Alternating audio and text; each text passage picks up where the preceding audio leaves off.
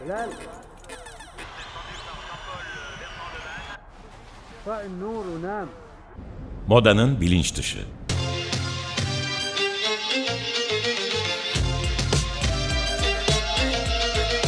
Modanın kültürel tarihi ve güncel refleksleri.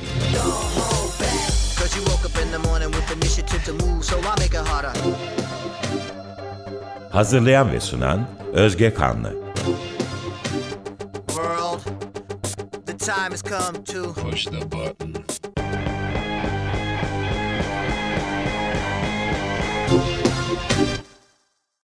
Merhaba sevgili Açık Radyo dinleyicileri. Ben Özge Kanlı.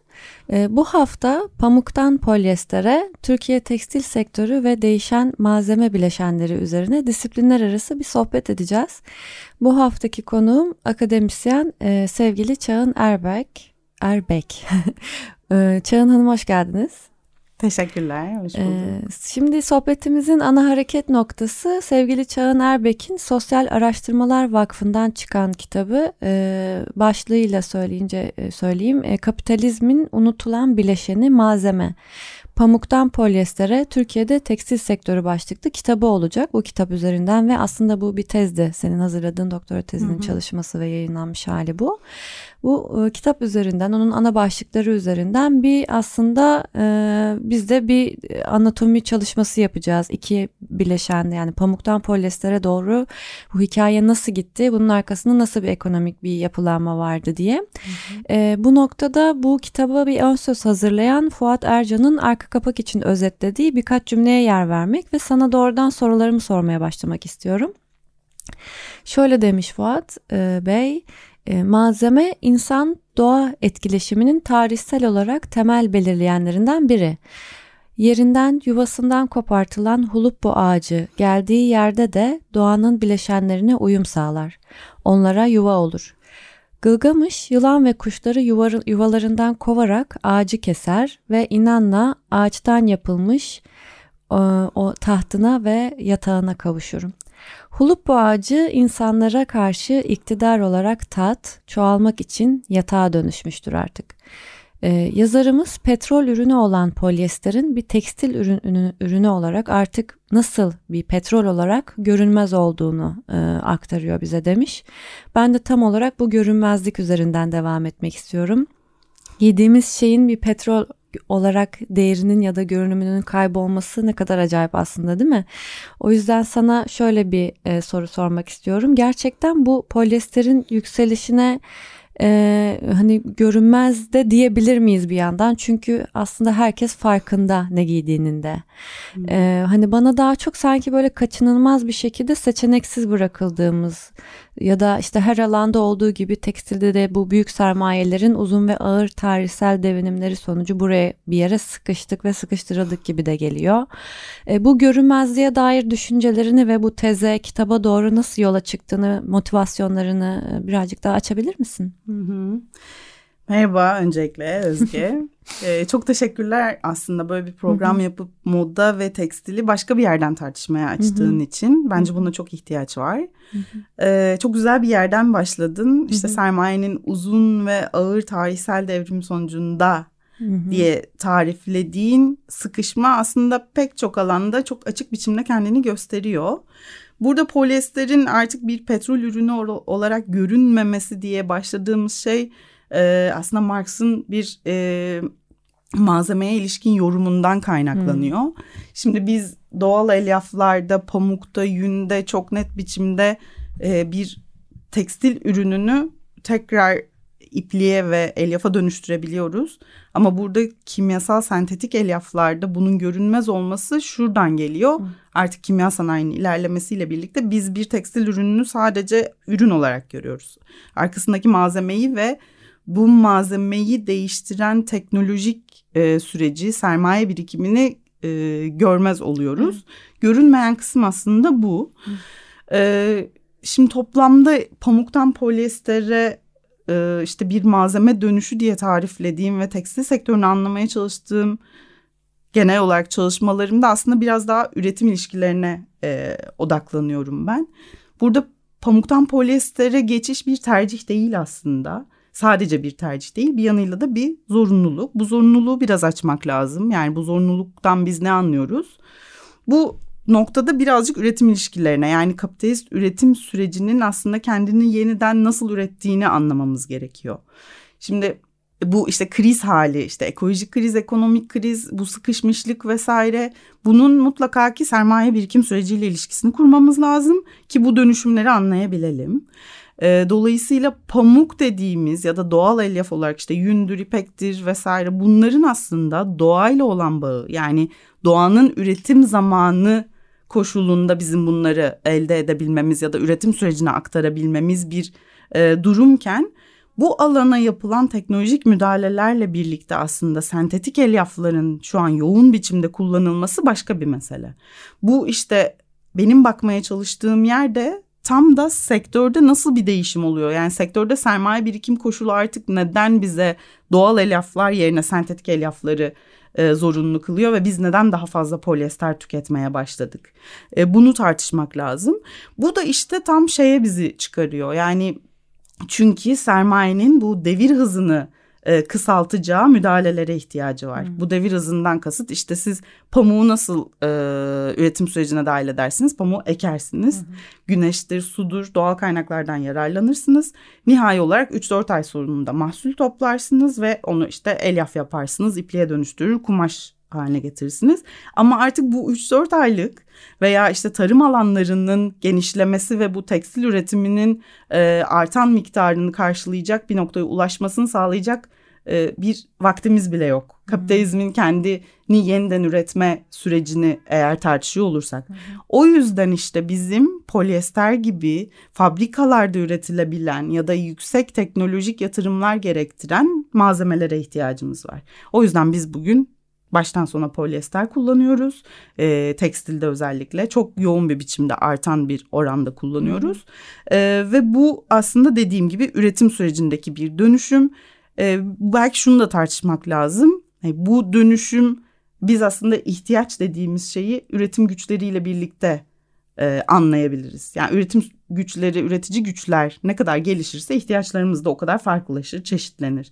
E, işte bizim akıllı telefonlara ihtiyacımız var mıydı? Hı hı. Pet şişelere ihtiyacımız var mıydı gibi hani tüketim alanından da pek çok yorumla bunu da anlayabiliriz elbette ki. Ama şunu unutmamak lazım işte üretim güçleri ne kadar gelişirse bu da tabii ki sermaye birikim sürecine içkin bir durumdur. Hı hı. Sermayenin kendini sürekli yeniden üretmesi ve büyüyerek sonuçta yeniden üretmesine ilişkin bir şey.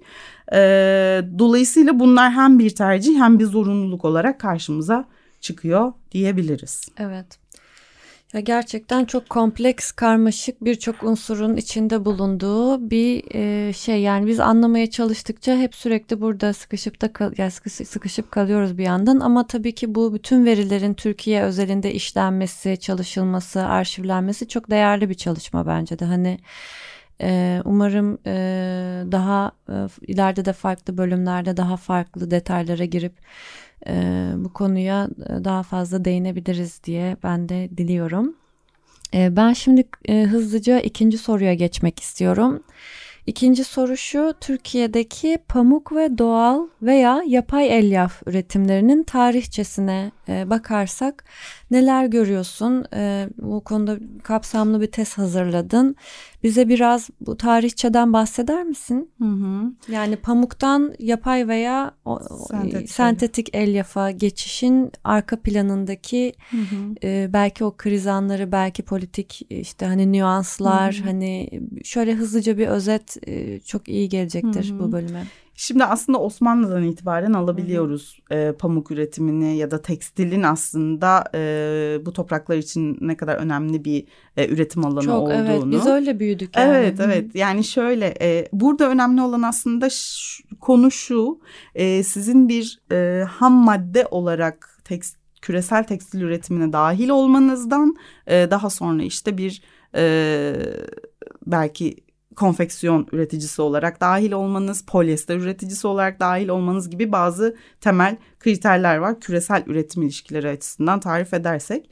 E, Osmanlı'dan itibaren alacak olursak işte zaten e, bizim e, Türkiye e, coğrafyası pamuk için oldukça elverişli. Çok ciddi pamuk üretimi yapılabilen... E, pamuğun ipliğe dönüştürüldüğü, işte ipliğin kumaşa dönüştürüldüğü ve gündelik hayatta kullandığımız tekstil ürünlerinin aslında üretilebildiği bir coğrafya burası. E, hatta Osmanlı'dan baktığımızda en fazla ham madde olarak üretim tarım ürünü e, bağlamında tahıldan sonra işte pamuk geliyor. E, burada bazı klik e, tarihler var tabii ki işte bu bir kere Amerikan İç Savaşı. Amerikan İç Savaşı aslında Avrupa'nın pamuk tedariğini, ham pamuk tedariğini çok temelde etkileyen. Dolayısıyla Türkiye coğrafyasının bir böyle ham pamuk üreticisi olarak kurgulandığı, organize edildiği bir e, yere dönüşmesine e, sebep oluyor. Bu dönemde işte çok ciddi teşvikler var, tohum dağıtımları var. E, İngiliz ticaret anlaşması var burada daha fazla ham madde üretilsin diye. Tabii ki sanayi devrimi burada çok önemli bir yerde duruyor. E, aslında işte sanayi devrimiyle birlikte tekstil makinelerindeki gelişim daha fazla ham madde ihtiyacını ortaya çıkarıyor ve bu ham madde ihtiyacını karşılayacak işte Türkiye gibi coğrafyalar e, seçilmiş. Çukurova'nın gelişimi böyle bir yerde aslında. E, dolayısıyla dediğim gibi pamuk e, bu coğrafya için başından itibaren önemli bir e, üretim alanı. Biz Cumhuriyet'le birlikte aslında bu alana yapılan yatırımların e, daha doğrusu teşviklerin işte açılan fabrikaların işte basmanenin, fesanenin vesaire e, bu üretim miktarını artırmaya dolayısıyla sanayi için çok temel bir yerde tekstili konumlandırmaya yönelik hamleler olarak görüyoruz. E, işte karşımıza böyle gerçekten hem iç e, ihtiyacını karşılayabilen hem fazlayı ihraç edebilen bir e, toplum ve üretim ilişkisi çıkıyor. Tabii ki burada aslında çok hızlı bir biçimde 80'lere kadar ilerletirsek e, 80'lerde hem ucuz emek gücü hem lojistik avantajlarla birlikte daha çok Avrupa'ya bir pazar olarak Avrupa'ya e, bizim işte ham pamuk ihracımızın, tekstil konfeksiyon ürünü ihracatımızın çok arttığını görüyoruz. Burada temel mesele aslında 2000'lerden sonra nasıl bir fark oluyor da tekstil geri planda kalıyor. Evet. Bunu biraz tartışmak Üretim. gerekiyor. Evet yani Hı. burada şimdi kalkınma ve sanayileşme teorilerinde bazı temel e, şeyler var. Yani lineer bir sanayileşme e, tarif edilir ve bu işte sizin emek yoğun üretimden daha sermaye yoğun, teknoloji yoğun üretime geçmeniz zi anlatır. E, dolayısıyla şöyle açıklamalar var işte tekstilin artık emek yoğun bir sektör olması sebebiyle geri planda kalması. Yani bizim artık daha teknoloji yoğun, sermaye yoğun e, yatırımlar ve işte üretim alanlarına kaymamız. E, bazı işte sanayi teşviklerinin geride durması Hı. bu alana ilişkin ya da bazı yanlış e, ekonomik kararlar gibi gibi. Ama burada aslında sektör özelinde baktığımızda biz çok temelde bir değişim görüyoruz. O da işte malzemenin değişen yapısı.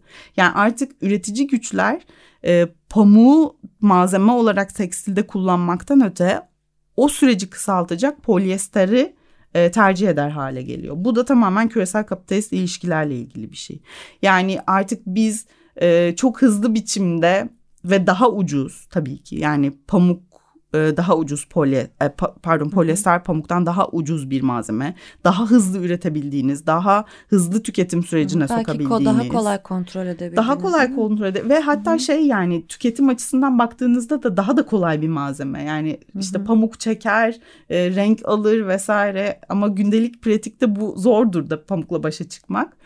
E, böyle bir yere evriliyor. Dolayısıyla burada e, mesele Türkiye'nin bu polisi üretimini gerçekleştirebilecek birikim sermaye birikim seviyesine ulaşıp ulaşamadığı. Hı hı. Ee, tabii ki teknolojik gelişmeleri biz Türkiye'de de görüyoruz. İşte geri dönüşüm, geri dönüştürülmüş polyester kullanılıyor. İşte Sanko e, ya da işte Sasa polyester Hani Hı-hı. aslında ya da zorlu grubu bu alanda üretim yapmaya çalışıyor. Hı-hı. Yeni tesisler kuruluyor. E, ama projeksiyon bize şeyi gösteriyor. Tekstilden artık kar elde edebilmenin koşulu ucuz emek gücüyle konfeksiyon üretmek değil. Tam tersi elyaftan aslında kumaş üretimine kadar olan tekstil kısmında hmm. kar elde edebilmek ve oraya yoğunlaşmak. Dolayısıyla bu yatırımların yapılması aslında e, bir yanıyla tekstil sektörünün geldiği üret, küresel anlamda geldiği noktayla ilişkili bir durum. Hı hı. E, o yüzden Türkiye'de şu anda polyester üretiminin gerçekleştirilip gerçekleştirilememesi istenen ölçekte hı hı. tekstil sektörünün geleceğine biraz Türkiye anlamında yön verecek. Hı hı. Ee, burada da tabii karşımıza şey çıkıyor işte bunu yapabilecek güçteki sermaye grupları ancak büyük hı hı. sermaye grupları. E, biz biliyoruz ki Türkiye'de tekstil çok büyük ölçekte küçük ölçekli enforme ilişki ağının e, hakim olduğu bir üretim alanı. Hı hı. Küçük küçük atölyeler işte fason e, üreticiler vesaire. Aslında Türkiye'de tekstil böyle ilerliyor. Evet. E, dolayısıyla bu yapısal da bir dönüşüm. Yani yapısal bir dönüşümü karşımıza çıkarıyor. Hı hı. Bir birazcık buraların tartışılması gerekiyor gibi geliyor bana. Hı hı. Yani şey çok güzel. Evet moda e, ve işte işte fast fashion. Yani artık bizim e, satın aldığımız ürünlerin 3 ve 5 yıkama gibi bir garantisi var. Çünkü e, daha fazlası sağlanamıyor çünkü o kadar dayanıklı ürünler değil ve toplamda kültürel ya da işte tüketim alışkanlıkları da buna doğru evriliyor. Bu işte tam da üretici güçlerin bu alanı e, biraz e, sınırlaması ve çerçevesini çizmesiyle ilgili bir durum. Dolayısıyla toplamda aslında söylemeye çalıştığım şey şu ki e, tekstil üretiminde karşımıza çıkan şu an mesela çok popüler değil mi? Geri dönüştürülmüş e, evet. malzemeden yapılmış tişörtler mesela. Evet. E, aslında ayakkabılar, bizim ayakkabılar evet plastik pet şişeyle gördük evet. değil mi? Hani büyük büyük markaların. Hı hı. E, bizim buna ihtiyacımız var mı? Toplamda ihtiyacı nasıl tanımlıyoruz? Üretici güçlerin e, bu ihtiyacı belirleme noktasında aslında e, bizi nasıl kısıtladığı ve e, o dehlizin içine nasıl çektiği e, veya gerçekten pamuk uygulamalarında geleneksel üretim yöntemlerine dönülmenin şu an bu sistem koşulları açısından mümkün olup olmadığı. Hmm. Çünkü biz biliyoruz ki pamuk da çok ciddi biçimde e, kimyasalla desteklenen yani aslında transgenik nasıl müdahalelerin de olduğu bir tarım ürünü. Dolayısıyla pamuk da eski pamuk değil. Hmm.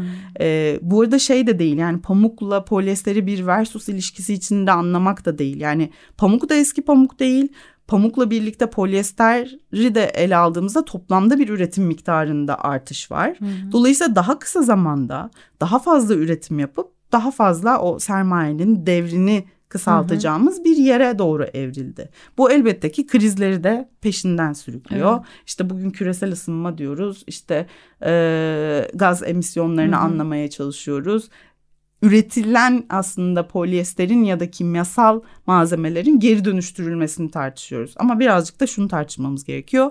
Gerçekten bu kadar çok üretmemiz gerekiyor mu? Hı hı. Gerçekten bu kadar enerjiye e, ihtiyacımız var mı? Bu toplumların ve e, bireylerin ihtiyaçlarından çıkan e, karşımıza çıkan bir durum mu yoksa bu sermayenin aslında yarattığı bir hı hı. E, ortam mı? Bunu hı hı. birazcık anlayıp buraları e, tartışmak gerekiyor sanki. Evet, yani soru soruyu doğurdu. evet. şey yapamadık bir yere varamadık ama çok güzel sorular ve çok güzel zihin jimnastiği oluyor bu anlamda da hani hem de farklı sektörde çalışan farklı kişilere, yerlere, disiplinlere e, emekçilere herkese ulaşabildiğimizi hmm. düşündüğümüz zaman toplu bir düşünme pratiği evet. umarım gerçekleştiriyoruz diye umuyorum. Hızlıca ben diğer soruya geçmek istiyorum. Birazcık daha kitap e, kitabın başlıklarını şöyle bir gözden yani çok hızlıca okuyamadım çünkü hmm. zaten e, çok kısa süre ben kitabı e, yeni programa kadar alabildim. Ama başlıkları şöyle bir gözden geçirince bunu sormak istedim. E, şöyle e, detaylı bir ilişkisel analiz sunuyorsun kitapta. E, verilerle ve bu alanı deşifre etmeye ve görünür kılmaya çalışıyorsun aslında. E, bu dönüşümün arkasındaki e, ne bileyim mesela makinelere odaklanıyorsun, makine Hı-hı. biçimlerine. Hani aslında bir e, ne derler şey çekiyorsun gibi. E, fotokopi değil de e, hani böyle, sektörün fotoğrafını çekmek fotoğrafını gibi, çekip evet. ama arka Aha, planı da gösteriyorsun bize Hı-hı. aynı zamanda kitapta. Biz de e, mesela ben kendi adıma konuşursam ya da herhalde çok çoğunluktadır böyle bu hikayeleri duyanlar büyürken. Mesela büyüklerimiz şey işte ipek veya pamuk üretimi gibi alanlarda hep övünürlerdi işte bizim Yani hı. memleketimiz değil mi? Yani işte Bursa'da işte ipek böcekleri hani ipek ma hani şey yani bu anlamda bu ürünler hem bizim kendi hafızamızda bir şekilde duygusal olarak da haritası olan hani zihnimizde, bedenimizde, yaşantımızda hı. olan yerler e, ve ü- malzemeler. E, mesela işte Bursa'nın veya Çukurova'nın ve yeri ve önemi başka bu anlamda hani bir Adana deyince işte ne bileyim e, yani hani dolayısıyla e, Sümerbank keza öyle. Sümerbank'ın e, işte baskıları, desenleri, Sümerbank gibi bir yerin var olmuş olması burada. E, özellikle etkili olan bu tarihsel değişimler özelinde de hani daha önce şu bir önceki soruya da cevap verdin ama bu malzeme değişimi ve geleceğine dair senin hani e, öngörülerin neler? Yani tabii ki hani tam öngöremiyoruz ama e, buradaki bu duygusal altyapıyı da değerlendirecek olursak bununla aslında çok ilgilenmeyerek de cevap verebilirsin hı. tabii ki. Çünkü aslında en neti- neticede vardığımız nokta yine büyük sermaye paylarının hı. aldığı aldığı tercihler veya sanayinin reflekslerine uygun hareket etmekte. Hı. Hani neticeleniyor her şey. Fakat senin hikayen nasıl oldu? Buradaki o e, malzemelerle kurman ve kitabın malzeme özeline e, kurulması. Aslında şöyle sosyal bilimlerde teknolojiyi makine üzerinden çalışmak çok e, şey gördüğümüz bir e, konu. Özellikle işte hani Adam Smith'te de bunu görürüz. işte Marx'ta da görürüz. Bir teknoloji ve makine tartışması hep vardır. E, burada malzeme daha geride kalan bir yerde oluyor. İşte tabii ki e, mühendislik alanından çalışmalar oluyor ama sosyal bilimlerde biraz geride kalıyor. Ben aslında tam da kitapta bunu yapmaya çalıştım. Yani e, aslında teknolojik gelişimin üretim sürecine dahil edilmesi hem ma- makine anlamında bir farklılık yaratıyor hem malzeme anlamında bir farklılık yaratıyor.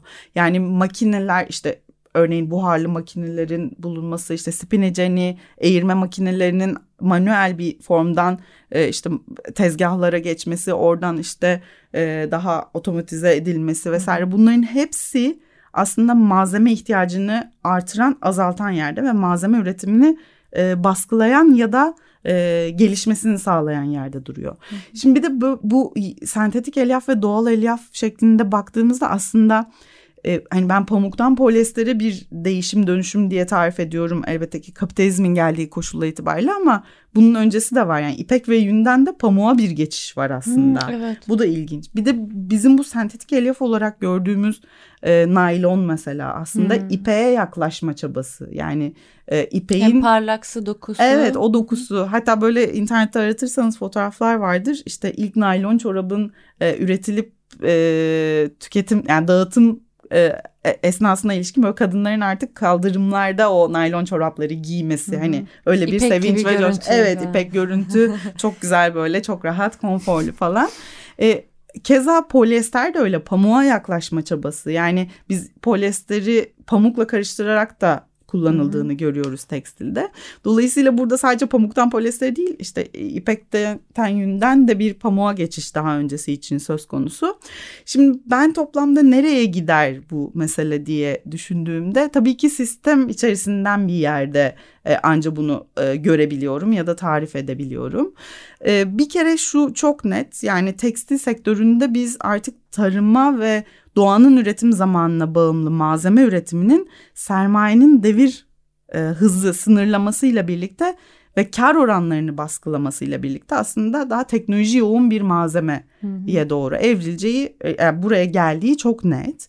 E, dolayısıyla Belki evet akıllı kumaşlar değil mi? Yavaş Tabii yavaş ki. oluyor mesela işte ne bileyim yürüdükçe enerji kaydeden kumaşlar falan işte teri emen ve başka bir şeye dönüşen. Yani malzemede de aslında e, makineleşme başladı neredeyse. Tabii ki teknik tekstiller dediğimiz Evet. ayrı bir alan var. Burası Hı hı. çok daha sermaye yoğun ve teknoloji yoğun bir alan. İşte sizin vücut ısınızı ölçebiliyor. E, Hı hı. kimi vitaminler vesaire varsa onları e, size ve- verebiliyor vesaire vesaire. E, burada dediğim gibi pamuğun da verimliliğinin çok arttığı polyesterle birlikte e, karşımıza çıkıyor. Dolayısıyla artık tekstilin sadece emek yoğun bir üretim alanı olarak anlaşılamayacağı, malzeme bağlamında oldukça sermaye yoğun bir alana doğru gittiğini görüyoruz.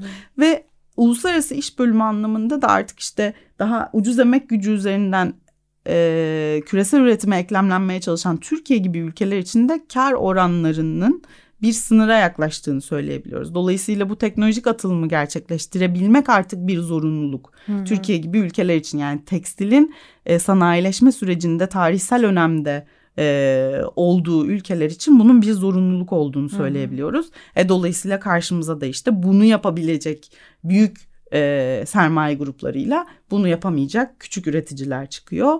E, burada da işte daha bir merkezileşme eğiliminin arttığını sermaye açısından ya da küçük üreticiler açısından sürekli ithal malzeme bağımlı bir e, borçlanma ilişkisinin arttığı ve işte bu tabii ki şu an enflasyonu ve e, döviz kurlarını vesaireyi de işin içine kattığımızda aslında kur riskiyle birlikte böyle çok fazla derecede kriz eğilimi taşıyan bir sektör karşımıza çıkıyor. Tam senin ilk başta söylediğin gibi. Hani bu o kadar gündelik hayatımızı etkileyen bir yerdeki hani bu kriz eğilimini biz ekolojiden ekonomiye farklı alanlarda o kadar net görebiliyoruz ki hı hı. tekstilde karşılaştığımız şey de bu aslında. Hı hı. Ekolojik perspektifine ayrıca girersek zaten hı hı. Ya polyester dediğimiz malzeme gerçekten sağlık açısından, insan sağlığı açısından da e, çok sıkıntılı bir malzeme. Bunun ayrıca belki çalışılması gerekir. Hı hı. E, ama işte pet şişeler, plastik vesaire toplamda ekolojik tartışmaya doğru evrildiğimizde de e, biraz sıkıntılı ve krize e, eğilimli ve zaten görünür biçimde krizi yaşadığımız hı hı. bir e, ortam evet. diye tarif edebiliriz. Evet nereden nereye şöyle bir sen anlattıkça aklımda e, yani hani e, bir sürü şey canlandı e, geçmişten bugüne.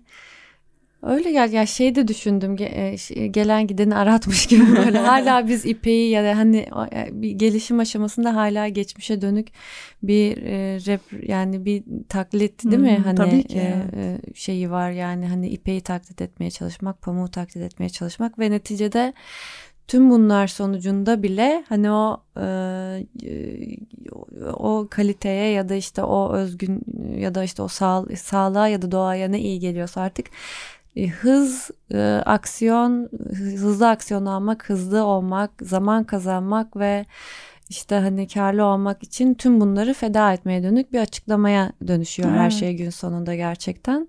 Umarım yani küçük küçük bunları tartışıyor olmak adım at yani herkesi bir şekilde bunları düşünmeye ve tercihlerine ya da işte farklı belki sermayedarları da bu anlamda farklı yerlere yatırım yapmaya iter, düşündürür ve hı hı e, e, her anlamda doğayı da kendimizi de eski e, değil mi daha böyle sağlıklı ve neşeli uyumlu görkemine ulaştırabiliriz bir şekilde diye düşünüyorum ama bakalım nasıl olacak. Ben yine geldiğin ve kitabından bu bölümleri iştenlikle aktardığın için yorumların için ve zaman ayırdığın için çok teşekkür ederim.